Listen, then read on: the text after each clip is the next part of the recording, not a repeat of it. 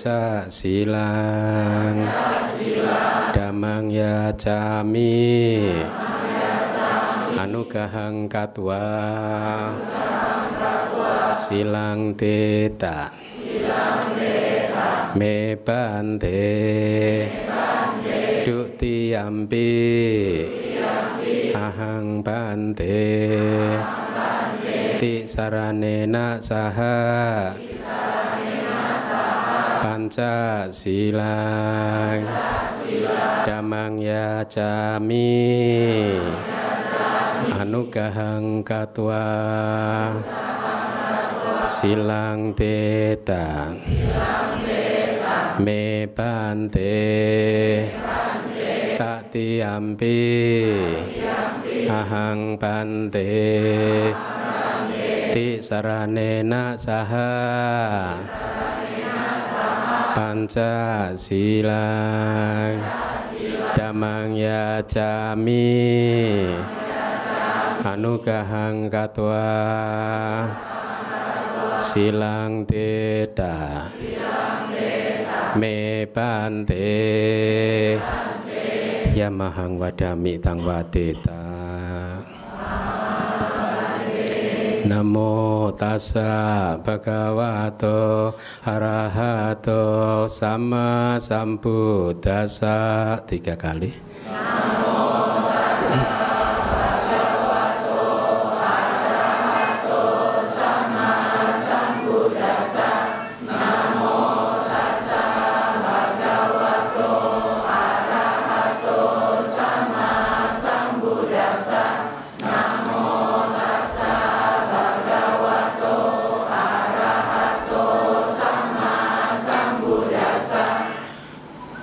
Buddhang seranang gacami, Dhammang seranang gacami, Sanggang seranang gacami.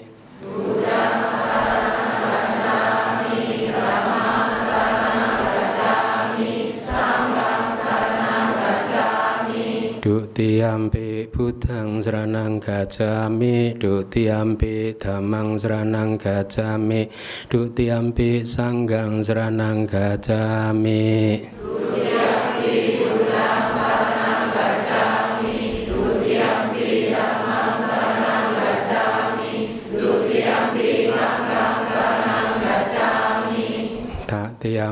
Buddhang seranang gacami Tak tiampi Dhammang seranang gacami Tak tiampi Sanggang seranang gacami.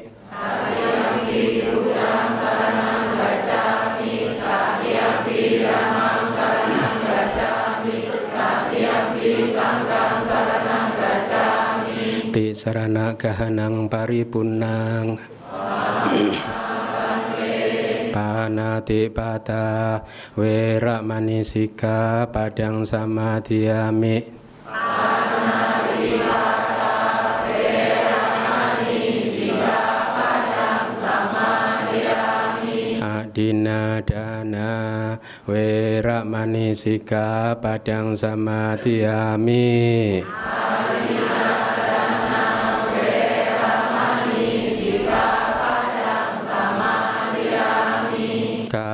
Samadhiami Adina dana Wera manisika Padang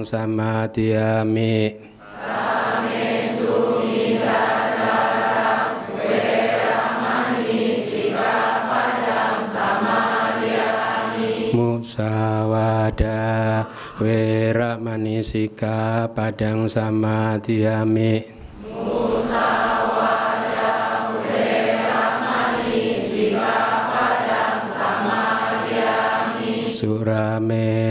maja pamadadana Wera manisika Padang samadhiami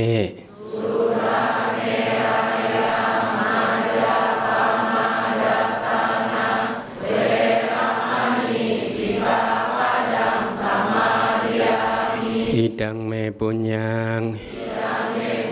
Asawa kaya wahang. Hotu Idang me silang. Nibbana sa Pacayo. Hotu. Ti sarana saha Pancasila. Damang sadukang katua pamadina sampateda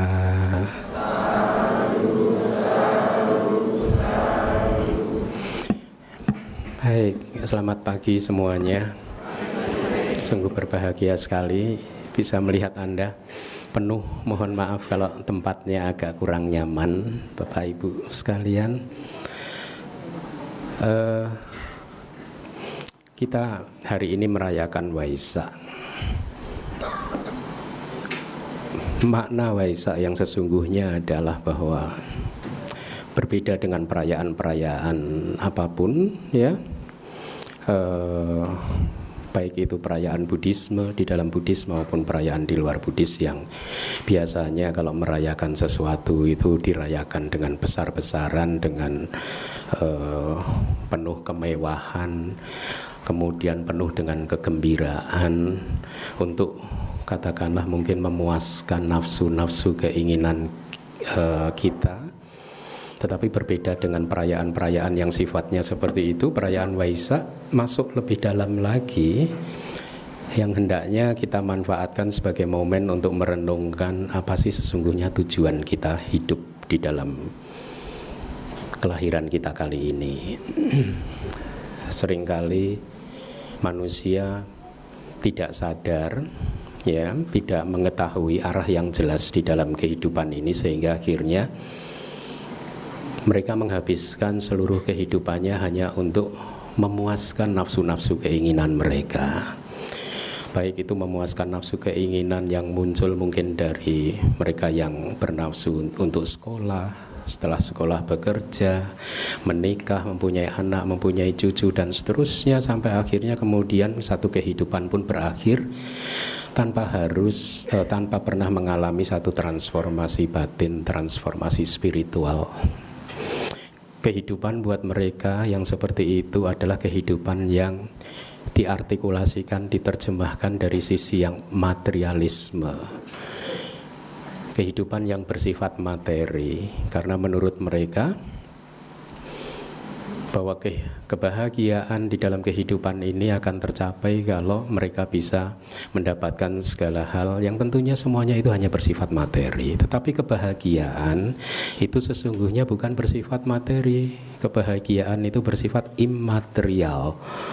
Oleh karena itulah salah satu manfaat dari mendengarkan dhamma adalah bahwa kita akan kembali menyadari tentang apa yang penting dan harus dilakukan di dalam kehidupan ini, apa yang menjadi sesuatu yang primer yang sangat penting harus dilakukan di dalam kehidupan ini dan apa yang tidak begitu penting yang bersifat sekunder dan seterusnya. Sebagai umat Buddha, kita harus benar-benar solid, harus benar-benar kokoh terhadap pemahaman kita tentang kehidupan ini bahwa sesungguhnya di dalam kehidupan ini kehidupan kita yang kali ini bukan kehidupan kita yang pertama. Dan selama kita tidak bisa mencapai tingkat kesucian arahat maka kehidupan yang tidak kekal ini pun cepat atau lambat akan ber harus berakhir dan pada saat berakhir di satu kehidupan maka kita pun masih harus kemudian lahir kembali. Kenapa kita harus lahir kembali? Karena masih banyak tugas yang belum kita selesaikan, masih banyak kotoran batin yang belum bisa kita hancurkan.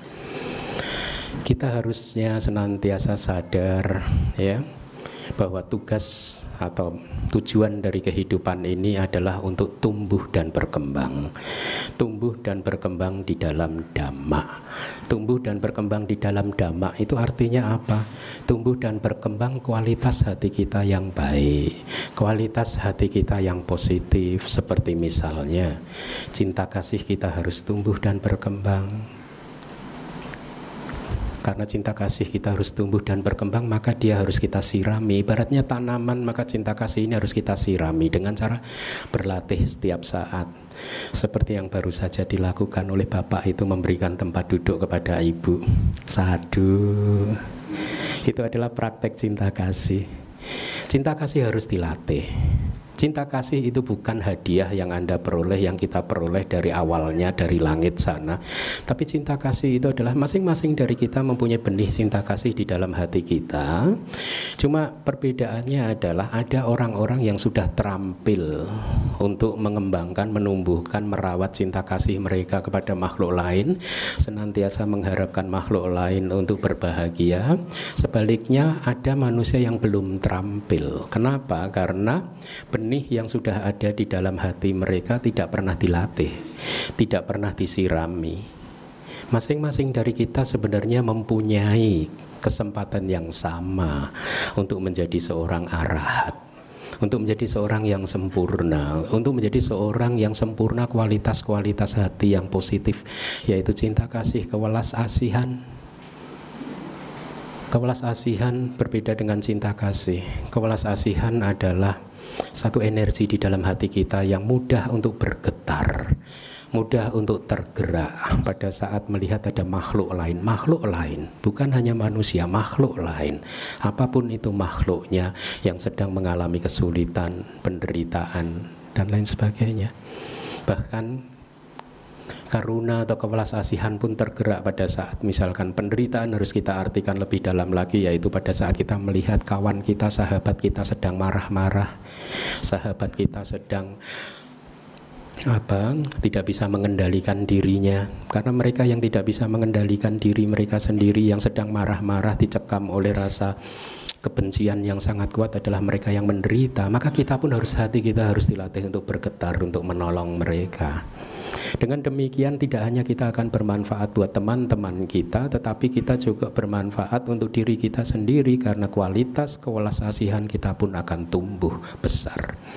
Demikian pula dengan kebijaksanaan, kesabaran, semuanya itu bukan hadiah, semuanya itu adalah benih yang harus kita rawat, harus kita latih sehingga akhirnya menjadi sifat kita. Dan inilah yang menarik dari Buddhism dan inilah juga mengapa yang ingin saya sampaikan kepada Anda pada saat kita merayakan perayaan Waisak ini sebenarnya apa makna yang paling penting dari perayaan Waisak? Apakah makna itu adalah satu perayaan oh Buddha sudah lahir, sudah mencapai penerangan sempurna, maka kita harus merayakan besar-besaran untung ada Buddha dan kemudian kita melupakan ajaran Buddha? Hmm? Kemudian kita sendiri tidak melatih apa yang diajarkan oleh Buddha tidak. Makna sesungguhnya dari perayaan Waisak adalah membawa kita untuk kembali ingat betapa bersyukurnya bahwa 2600 tahun yang lalu ada seorang manusia yang kembali menemukan jalan mulia berunsur delapan kembali menemukan jalan mulia berunsur delapan. Artinya apa? Jalan mulia berunsur delapan selalu ada sesungguhnya di sepanjang samsara sejak awal hingga samsara yang sudah tidak bisa diketahui lagi awalnya sampai kapan pun jalan mulia berunsur delapan akan selalu ada hanya yang membuatnya berbeda adalah ada satu masa-masa tertentu di mana jalan mulia berunsur delapan itu terlupakan Ada satu masa-masa baik itu di masa lalu ataupun di masa depan di mana tidak ada satu makhluk pun yang berlatih jalan mulia berunsur delapan. Dan Buddha mengatakan, selama tidak ada jalan mulia berunsur delapan, maka pembebasan dari samsara tidak bisa mungkin terjadi. Kalau kita ingin membebaskan dari lingkaran tumimba lahir dari samsara, maka tidak ada jalan yang lain selain kita harus berjalan di atas jalan mulia berunsur delapan. Di dalam salah satu sutta, Buddha e, menceritakan pengalaman kehidupannya kira-kira seperti ini. Pada satu masa, ini kata-kata Buddha, dulu pada saat saya masih menjadi seorang bodhisatta, ya, saya melihat bahwa dunia ini berada di dalam kesulitan. Saya melihat bahwa makhluk berada di dalam kesulitan. Kesulitan apa? Kesulitan kelahiran, kemudian kelapukan menjadi tua, dan kemudian kematian. Lahir, lapuk, mati, lahir, lapuk, mati. Semua manusia, semua yang pernah mengambil kelahiran yang belum terbebaskan dari samsara akan melalui proses ini. Lahir, lapuk, mati. Demikian pula kita. Hendaknya kita senantiasa ingat bahwa satu saat nanti kita pun harus meninggalkan kehidupan ini dan hendaknya juga kita harus senantiasa ingat bahwa untuk meninggalkan kehidupan ini kita tidak harus menunggu harus tua dulu. Banyak orang yang masih muda dia harus meninggalkan kehidupan ini setiap saat kematian akan bisa datang kepada kita. Oleh karena itu kalau kita menyadari hal yang seperti ini, maka sudah sewajarnya, sudah selayaknya kalau kemudian kita melakukan segenap daya usaha untuk segera mengakhiri kelahiran ini, meng mengakhiri lingkaran kelahiran dan kematian. Ibaratnya seseorang yang kepalanya itu memakai turban, kepalanya terbakar, turbannya terbakar, maka dia harus segera memadamkan api yang ada di kepalanya ini. Karena kalau tidak segera dipadamkan, dia pasti akan menderita. Dan demikian pula kita hendaknya memaknai waisa sebagai dalam konteks untuk menyadari bahwa lingkaran tumimbal lahir ini, lingkaran kelahiran dan kematian ini bisa saja tanpa akhir. Oleh karena itu yang disampaikan oleh Buddha di Nagara Sutta yang tadi sempat sudah saya quote adalah saya melihat semua makhluk eh, apa berada di dalam kesulitan, kelahiran, kelapukan dan juga kematian. Mereka tidak tahu jalan untuk keluar dari kelahiran dan kematian. Mereka tidak tahu jalan untuk keluar dari penderitaan. Kemudian Buddha berkata, perjalanan spiritual dia, beliau, dia ibaratkan seperti ibaratnya seseorang yang sedang berjalan di dalam satu hutan yang lebat. Pada saat dia sudah masuk di dalam hutan yang lebat, kemudian dia menemukan ada jalan kuno, jalan kuno yang tertimbun oleh, tertutup oleh semak belukar, jalan kuno yang tidak diketahui oleh manusia-manusia sebelumnya yang melewati hutan tersebut. Pada saat orang tersebut menemukan jalan kuno tadi, kemudian rumput-rumput liarnya, semak belukarnya dia bersihkan dan kemudian dia berjalan menyusuri jalan kuno tadi. Hingga akhirnya jalan kuno tersebut berjalan di atas jalan tersebut membawa dia kepada satu kota yang kuno juga, yang berisi orang-orang makhluk-makhluk yang berasal dari kehidupan-kehidupan yang masa lalu yang juga sudah menapa melakukan perjalanan di atas jalan tersebut. Jalan kuno yang tadinya tertimbun tersebut dikatakan oleh Buddha adalah jalan mulia berunsur delapan. Selama tidak ada Buddha, tidak ada kemunculan Buddha, maka jalan mulia berunsur delapan akan tertimbun. Tidak akan diketahui oleh makhluk manusia maupun para dewa dan Bahkan justru inilah sebenarnya fungsi dari kemunculan seorang Buddha. Fungsi dari kemunculan seorang Buddha adalah menemukan kembali jalan yang tadinya hilang, yaitu jalan mulia berunsur delapan. Saat ini jalan mulia berunsur delapan masih eksis, masih ada. Kita masih mempunyai akses untuk mempraktekkan jalan mulia berunsur delapan oleh karena itulah inilah sesungguhnya makna dari Waisa. Kelahiran Buddha adalah kelahiran yang membuat jalan mulia berunsur delapan yang tadinya tidak dikenal, yang tadinya tertimbun oleh semak belukar, tidak ada yang mempraktekkannya, akhirnya ditemukan kembali. Selama mereka tidak siap, siapa pun tidak mempraktekkan jalan mulia berunsur delapan, maka pembebasan dari penderitaan tidak dimungkinkan, tidak akan terjadi. Manusia yang tidak mempraktekkan jalan mulia berunsur delapan tidak tahu bagaimana cara mereka melepaskan diri dari kesulitan, penderitaan, depresi. Menurut mereka untuk melepaskan diri dari kesulitan, penderitaan dan depresi tidak ada jalan lain selain memuaskan nafsu-nafsu mereka. Selain mengikuti arus dunia ini, tetapi kita lihat semakin kita memuaskan nafsu-nafsu keinginan kita, semakin kita terperangkap di dalam kesulitan, penderitaan, ketegangan, konflik dengan lingkungan sekitar. Tidak hanya konflik dengan lingkungan sekitar, tetapi juga konflik dengan diri kita sendiri. Pada saat nafsu-nafsu keinginan kita terpenuhi, kita kehilangan keseimbangan. Pada saat nafsu-nafsu keinginan kita tidak terpenuhi, kita pun kehilangan keseimbangan. Setiap kali kita kehilangan keseimbangan kita, kita adalah makhluk yang menderita. Kita kehilangan kedamaian kita, kita kehilangan kebahagiaan kita. Oleh karena itulah, kelahiran Buddha penerangan sempurna dari Buddha, kemudian juga parinibbana dari Buddha, meninggalkan satu pesan dari kita yaitu apa? Mari kita semua berjalan di jalan di atas jalan mulia berunsur delapan. Nah, apa sih sesungguhnya jalan mulia berunsur delapan? Jalan mulia berunsur delapan itu tidak lain dan tidak bukan adalah tiga latihan Buddhis yaitu sila, samadhi, dan panya. Kita harus mempraktekkan moralitas kita, tetapi juga tidak hanya berhenti di sana sebagai umat Buddha. Jangan berhenti hanya pada mempraktekkan sila-sila kita. Tidak cukup. Sayang kalau kita hanya mempraktekkan sila-sila kita saja cukup berhenti di sana, maka kita tidak memerlukan perayaan Waisak. Kita tidak memerlukan kelahiran Buddha semua manusia, ada Buddha ataupun tidak ada Buddha juga mempraktekkan Pancasila. Karena Pancasila ini adalah sila-sila yang bersifat alamiah yang berlaku untuk semuanya dan itu dipraktekkan oleh ajaran spiritual di luar Buddhism juga.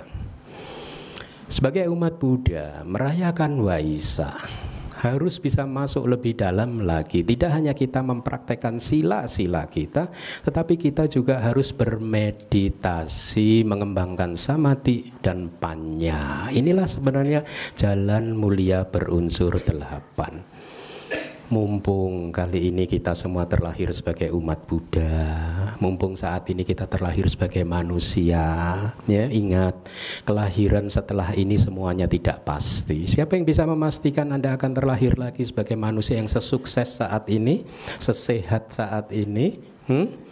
Seganteng saat ini, secantik Anda saat ini, siapa yang bisa menjamin? Tidak ada yang bisa menjamin. Setelah kehidupan ini segala sesuatu tidak akan ada bisa yang menjamin selain Anda sudah menjadi Arya.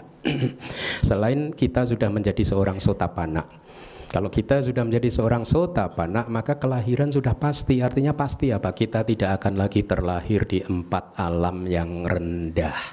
Dan maksimal tujuh kali kelahiran lagi kita akan segera keluar dari samsara. Maksimal tujuh kali kelahiran lagi sudah pasti. Sudah dipastikan karena ibaratnya Anda sudah masuk ke dalam arus sungai. Arus sungai dan Anda sudah masuk di arus itu Anda akan ikut pada arus tersebut hingga sampai nanti akan mencapai ketujuannya. Ibaratnya Anda sudah masuk ke arus jalan mulia, mulia berunsur delapan Sehingga cepat atau lambat Anda akan sampai ke tujuan Ke kota kuno yang diisi oleh orang-orang yang telah melakukan perjalanan di masa lalu Kota kuno tersebut adalah Nibbana Pembebasan akhir kita di mana di sana sudah tidak ada lagi kelahiran, kematian Dan segala bentuk penderitaan yang ada di antara kelahiran dan kematian Nah, oleh karena itu, memaknai Waisak seharusnya memaknai sebagai satu wujud memperbarui komitmen kita. Mumpung saat ini kita terlahir sebagai manusia dan mengenal Buddhism dan tidak hanya mengenal Buddhism yang mengenal Buddhism seperti mungkin kebanyakan ya manusia hanya mengenal Buddhism dalam artian KTP mereka saja Buddhis tetapi Anda adalah seorang Buddhis yang belajar Tripitaka. Anda adalah seorang Buddhis yang berlatih meditasi menjalani pariyati dan juga pati-pati untuk menembus empat kebenaran mulia. Oleh karena itu kita harus memperbarui komitmen kita untuk mempraktekkan sila samadhi panya. Inilah sebenarnya intisari dari jalan mulia berunsur delapan. Ya tapi Bante susah sekali kehidupan saya ini penuh dengan apa kalau sudah masuk kerja penuh dengan masalah, pikiran banyak terganggu, ini terganggu itu sehingga akhirnya praktek jalan mulia berunsur delapan bisa uh, terlupakan. Ya, sekali lagi kita harus tahu di dalam kehidupan ini mana yang penting yang harus kita lakukan dan mana yang tidak penting yang tidak harus kita lakukan. Ya, yang penting, yang paling penting adalah mengembangkan jalan mulia berunsur delapan, mengembangkan sila samadipanya. Nah, kalau anda masih merasa kesulitan untuk mengembangkan sila samadipanya, wajar saja. Kenapa? Karena anda mungkin belum tahu manfaatnya. Kenapa saya harus mengembangkan sila samadipanya? Seperti halnya seseorang yang dianjurkan oleh so, uh, dokter, kamu harus berolahraga terus. Karena kalau dia mempunyai kebiasaan sejak kecil tidak suka berolahraga, meskipun semua orang itu mendorong dia untuk berolahraga, tetap saja dia tidak akan menjalaninya. Kenapa? Karena dia belum melihat alasan penting kenapa saya harus berolahraga. Tetapi satu hari pada saat dia merealisasi bahwa dia harus berolahraga. Kenapa? Karena dengan berolahraga ternyata membawa manfaat yang bagus sekali tidak hanya buat tubuh tetapi juga pikiran dia, maka pada saat itulah dia akan disiplin untuk berolahraga. Jadi poinnya adalah di dalam melakukan sesuatu kita harus tahu alasannya kenapa saya harus melakukan sesuatu ini. Sama di dalam mempraktekkan mengembangkan jalan mulia berunsur delapan, kita juga harus tahu alasannya kenapa saya harus mempraktekkan jalan mulia berunsur delapan. Nah, saya akan sampaikan kepada Anda semua. Dengarkanlah dengan penuh perhatian dan penuh kewaspadaan. Kenapa kita semua harus mempraktekkan jalan mulia berunsur delapan?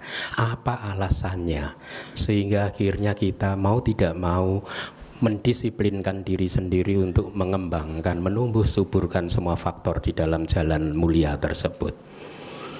Di dalam salah satu suta Buddha berkata, ibaratnya eh, apa matahari kalau terbit itu, hmm, pertama terbit, ibaratnya mentari yang merekah di ufuk timur kira-kira seperti itu ya.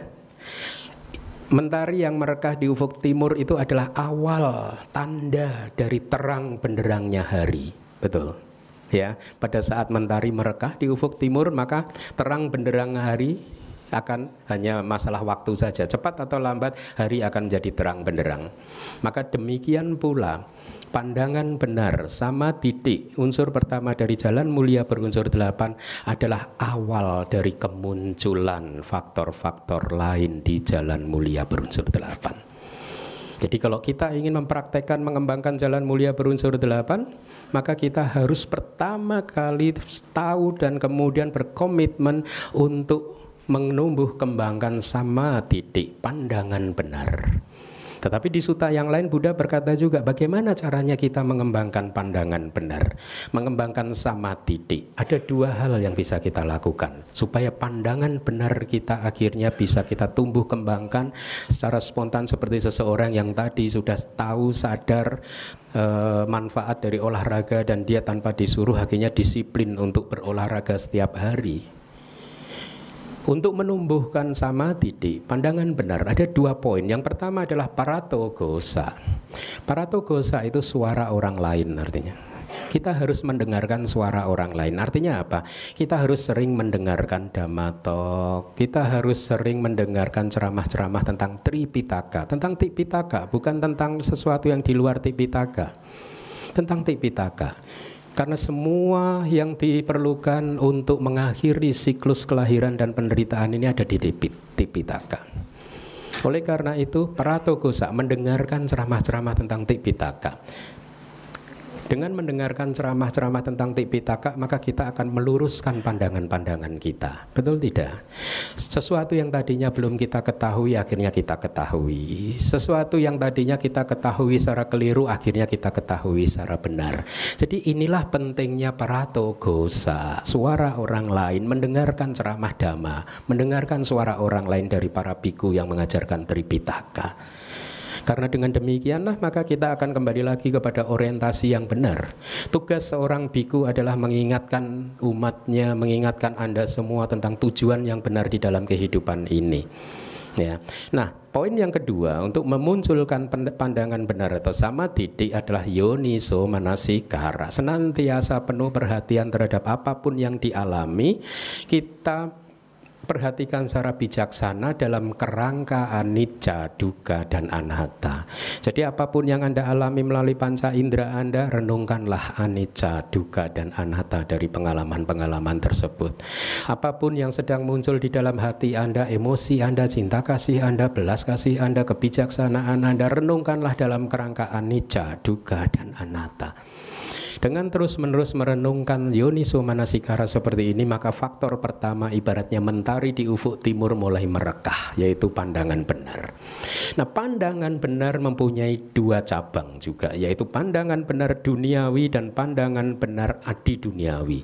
Pandangan benar duniawi adalah pandangan benar yang dilakukan oleh makhluk-makhluk duniawi yang belum merealisasi empat kebenaran mulia, yang belum mengalami pencerahan.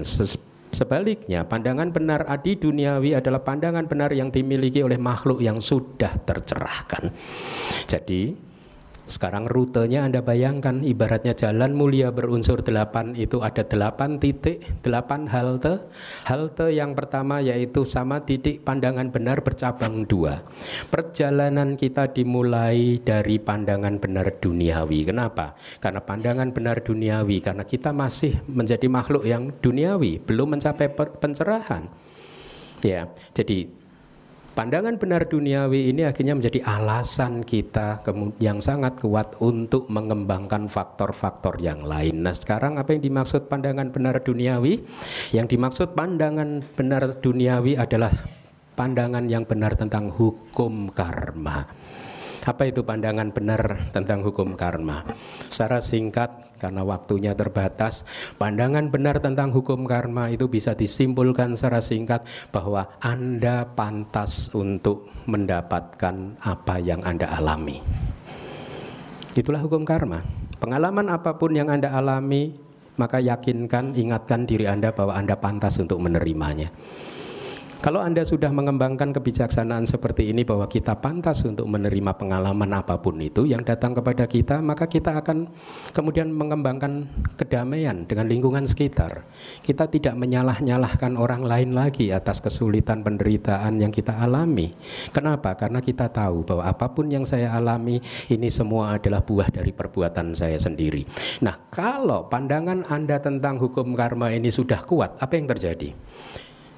Hukum karma mengajarkan kepada kita perbuatan baik akan berdampak pada kebahagiaan, perbuatan buruk, perbuatan tidak baik akan berdampak pada kesulitan, penderitaan, depresi dan lain sebagainya. Ajaran sederhana dari hukum karma ini akhirnya membuat kita sadar karena saya tidak ingin menderita, maka saya tidak ingin melakukan karma buruk. Hmm? Ini adalah alasannya. Jadi pandangan benar menjadi alasan kita untuk memunculkan faktor-faktor yang lain. Faktor yang lain setelah pandangan benar apa? Pikiran benar. Pikiran benar itu adalah pikiran ada tiga nekama sangkapa. Nekama sangkapa itu adalah pikiran untuk meninggalkan kelekatan kita kepada keduniawian ini. Kita mulai melepaskan diri dari tidak melepaskan diri dalam artian meninggalkan kehidupan duniawi, tetapi melepaskan genggaman kita kepada dunia ini.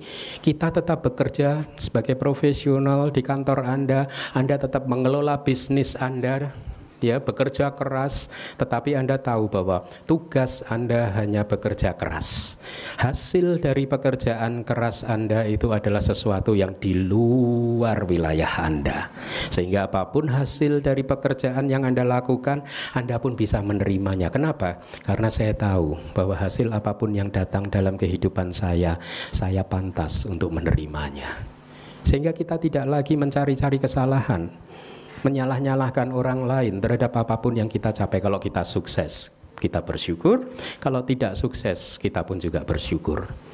Tidak ada konflik dengan orang lain, tidak ada pertentangan dengan orang lain, tidak ada kemarahan teriak-teriak demo-demo kenapa saya nggak sukses, kenapa saya nggak sukses, enggak. Karena kita tahu bahwa apa pun yang kita alami itu adalah buah dari perbuatan kita sendiri dan kita tidak ingin melakukan karma buruk terhadap buah karma buruk yang sedang kita terima. Itulah pandangan benar. Akhirnya membuat kita pikiran kita juga benar. Pikiran benar yang kedua adalah pikiran yang tidak jauh atau pikiran yang tidak apa abia pada non ill will. Tidak jahat. Pikiran yang penuh dengan cinta kasih. Ya, kenapa? Karena saya tahu kalau saya berpikiran jahat terhadap makhluk lain, maka saya nanti akan menderita. Pandangan benar mengajarkan pada saya, karma buruk akan membuat saya menderita. Oleh karena itu saya akan menjaga pikiran saya, menjauhkan pikiran saya dari segala pikiran yang buruk. Kemudian pandang uh, pikiran benar yang ketiga apa? Wihimsa, pikiran benar tentang tanpa uh, kekejaman, benar tidak sadis. Kalau ada orang yang salah ya kita maafkan. Hmm? Jangan terus dihukum berlebihan ya. Kita menjaga hati kita supaya penuh kewelas asihan. Kita maafkan. Jadi menjauhkan diri dari kekejaman. Oleh karena itu, karena pandangan benar akhirnya pikiran benar muncul. Betul tidak? Tugas Anda hanya mengokohkan pandangan benar Anda bahwa hukum karma bekerja. Kalau Anda sudah kokoh di dalam pemahaman tentang hukum karma, maka pikiran benar akan secara alamiah akan kuat, akan muncul, tumbuh dan berkembang. Saya akan menjaga pikiran saya untuk tetap positif. Dari pikiran benar, akhirnya muncul ucapan yang benar. Yaitu faktor yang ketiga. Apa itu ucapan yang benar? Ucapan yang menjauhi dari kebohongan, hanya berkata-kata tentang sesuatu yang benar saja, tidak berbohong, tidak marah-marah, ya. Tidak mengucapkan kata-kata yang membuat telinga orang sakit kemudian tidak memfitnah, tidak omong kosong. Kita menjaga ucapan kita. Kenapa? Karena saya ingin melakukan hal yang baik dan ingin menghindari ucapan-ucapan yang tidak baik. Jadi lihatlah rutenya berlangsung seperti ini. Pada saat kita tahu alasan yang kuat untuk mempraktekkan jalan mulia berunsur delapan yaitu pandangan benar duniawi tentang hukum karma yang mengajarkan kepada kita bahwa perbuatan, ucapan, pikiran yang buruk akan menghasilkan penderitaan dan sebagainya sebaliknya akan menghasilkan kebahagiaan, maka secara alamiah pikiran kita akan makin positif kita akan mulai menghargai kualitas-kualitas hati yang positif. Kita akan mulai bisa menjauhkan diri dari hal-hal yang negatif. Dari ucapan benar pun kemudian muncul apa? Perbuatan yang benar. Dari perbuatan benar akhirnya muncul penghidupan yang benar. Dari penghidupan yang benar kemudian memunculkan usaha yang benar. Dari usaha yang benar kemudian memunculkan samadhi yang benar. Bermeditasi. Kita akan kemudian tidak hanya berhenti di latihan moralitas saja, tetapi dari latihan moralitas kita manfaatkan sebagai fondasi untuk mengembangkan samadhi kita, untuk mengembangkan meditasi kita. Ya, dari maaf dari usaha yang benar sama sati dulu perhatian penuh yang benar dan kemudian baru samati sama samati yaitu konsentrasi yang benar. Jadi dari konsentrasi yang benar kalau anda bermeditasi mencapai sama samadhi konsentrasi yang benar maka Buddha mengatakan mereka seorang biku yang terkonsentrasi akan bisa memahami segala sesuatu seperti uh, apa adanya sesuai dengan realitas. Dengan pencapaian sama samadhi maka kita akan mampu menembus empat kebenaran mulia. Penembusan empat kebenaran mulia inilah yang disebut pandangan benar adi duniawi. Pandangan benar yang muncul di hati di batin seorang yang sudah tercerahkan. Di batin seorang sotapana, sakadagami, anagami dan ataupun arahat. Nah, jadi lihat rutenya untuk mulai melatih sila samadhi dan panya, Anda kembali lagi temukanlah alasan yang sangat kuat sehingga membuat Anda sadar dan saya harus mengembangkan jalan mulia berunsur delapan. Setelah sama-sama titik kemudian sampai ke sama-sama unsur yang kedelapan di suta-suta sering disebutkan ada dua faktor lagi jadi tidak hanya jalan mulia berunsur delapan jadi ada sepuluh faktor dari jalan mulia tersebut yang kesembilan adalah pengetahuan yang benar, pengetahuan yang benar yang muncul dari meditasi Anda, dari samadhi Anda. Dengan pengetahuan yang benar akhirnya memunculkan pembebasan yang benar.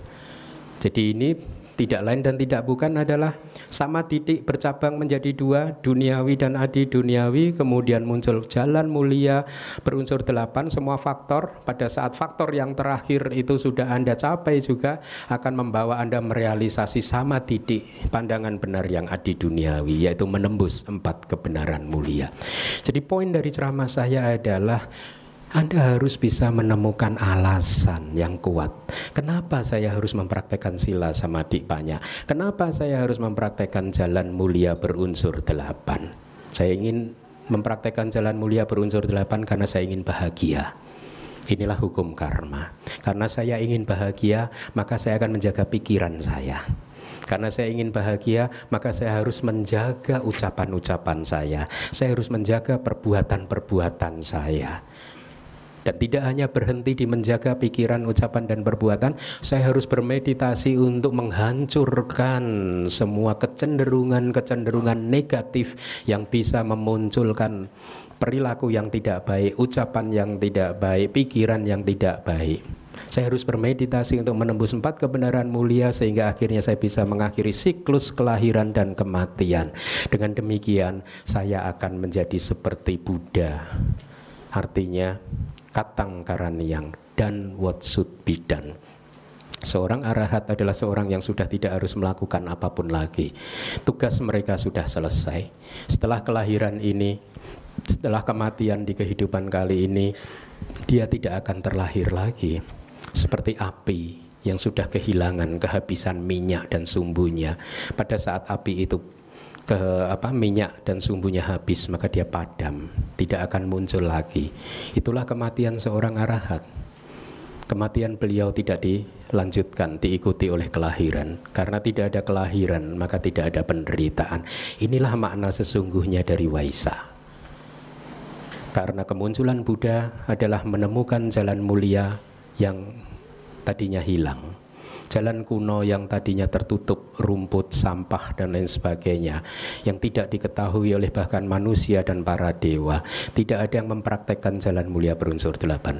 Dan karena kemunculan Buddha, kelahiran Buddha, penerangan sempurna Buddha maka jalan mulia berunsur delapan kembali ditemukan. Dengan ditemukannya jalan mulia berunsur delapan kita pun bisa akhirnya berjalan di atas jalan mulia berunsur delapan untuk merealisasi nibbana.